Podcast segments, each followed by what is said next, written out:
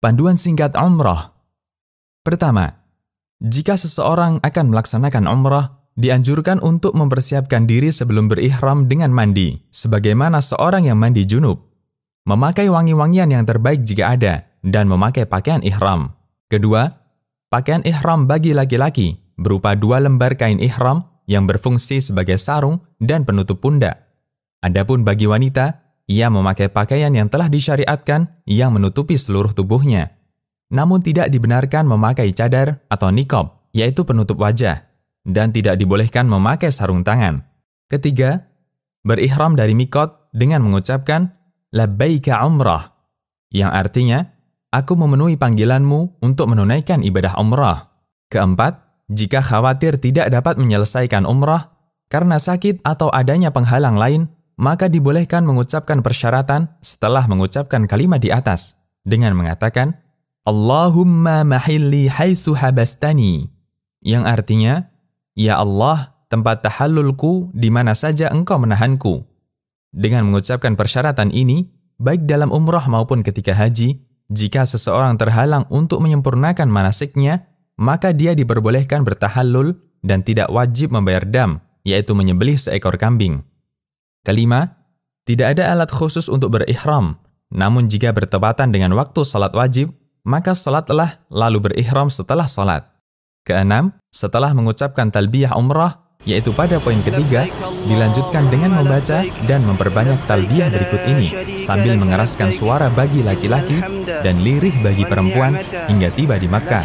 Labbaik Allahumma labbaik, labbaik la syarika laka labbaik, innal hamda wan ni'mata laka wal mulk la syarika lak yang artinya aku menjawab panggilanmu ya Allah Aku menjawab panggilanmu.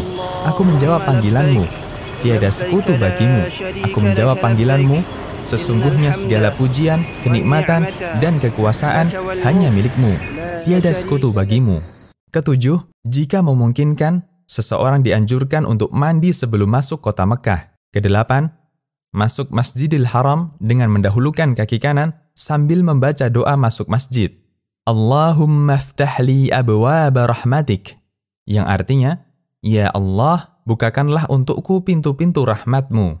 Kesembilan, menuju ke Hajar Aswad, lalu menghadapnya sambil membaca Allahu Akbar atau Bismillah Allahu Akbar, lalu mengusapnya dengan tangan dan menciumnya. Jika tidak memungkinkan untuk menciumnya, maka cukup dengan mengusapnya, lalu mencium tangan yang mengusap Hajar Aswad.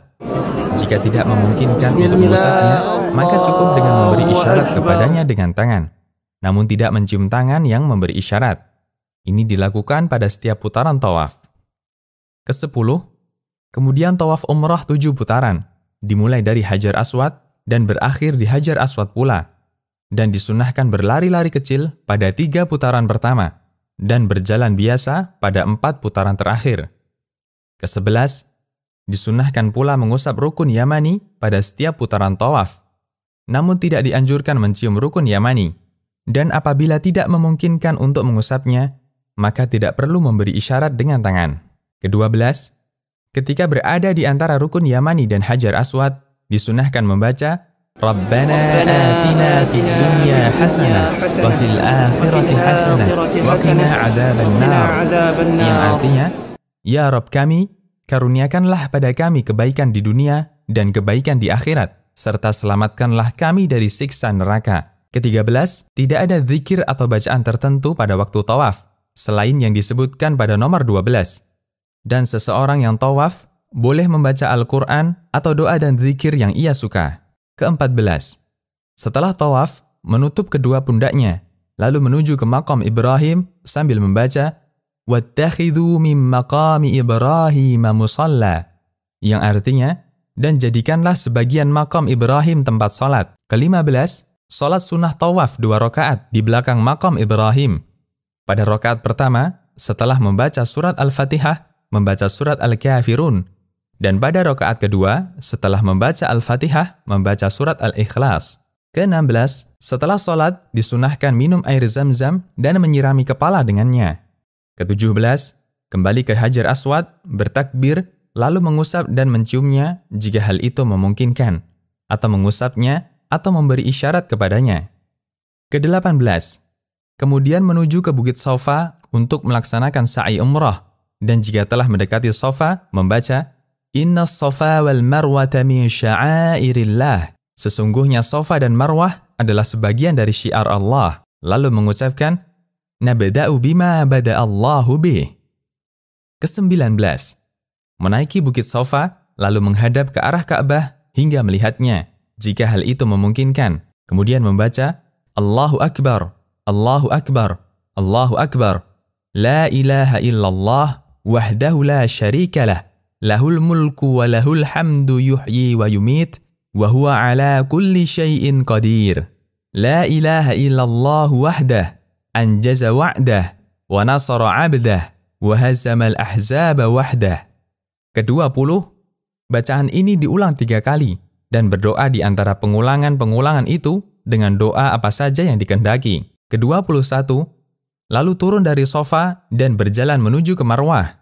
Ke-22, disunahkan berlari-lari kecil dengan cepat dan sungguh-sungguh di antara dua tanda lampu hijau yang berada di mas'a atau tempat sa'i bagi laki-laki, lalu berjalan biasa menuju Marwah dan menaikinya. Ke-23, setibanya di Marwah, kerjakanlah apa-apa yang dikerjakan di sofa, yaitu menghadap kiblat, bertakbir, membaca zikir pada nomor 19, dan berdoa dengan doa apa saja yang dikehendaki.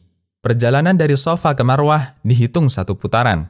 Ke-24, kemudian turunlah lalu menuju ke Sofa dengan berjalan di tempat yang ditentukan untuk berjalan dan berlari bagi laki-laki di tempat yang ditentukan untuk berlari. Lalu naik ke Sofa dan lakukan seperti semula. Dengan demikian, terhitung dua putaran.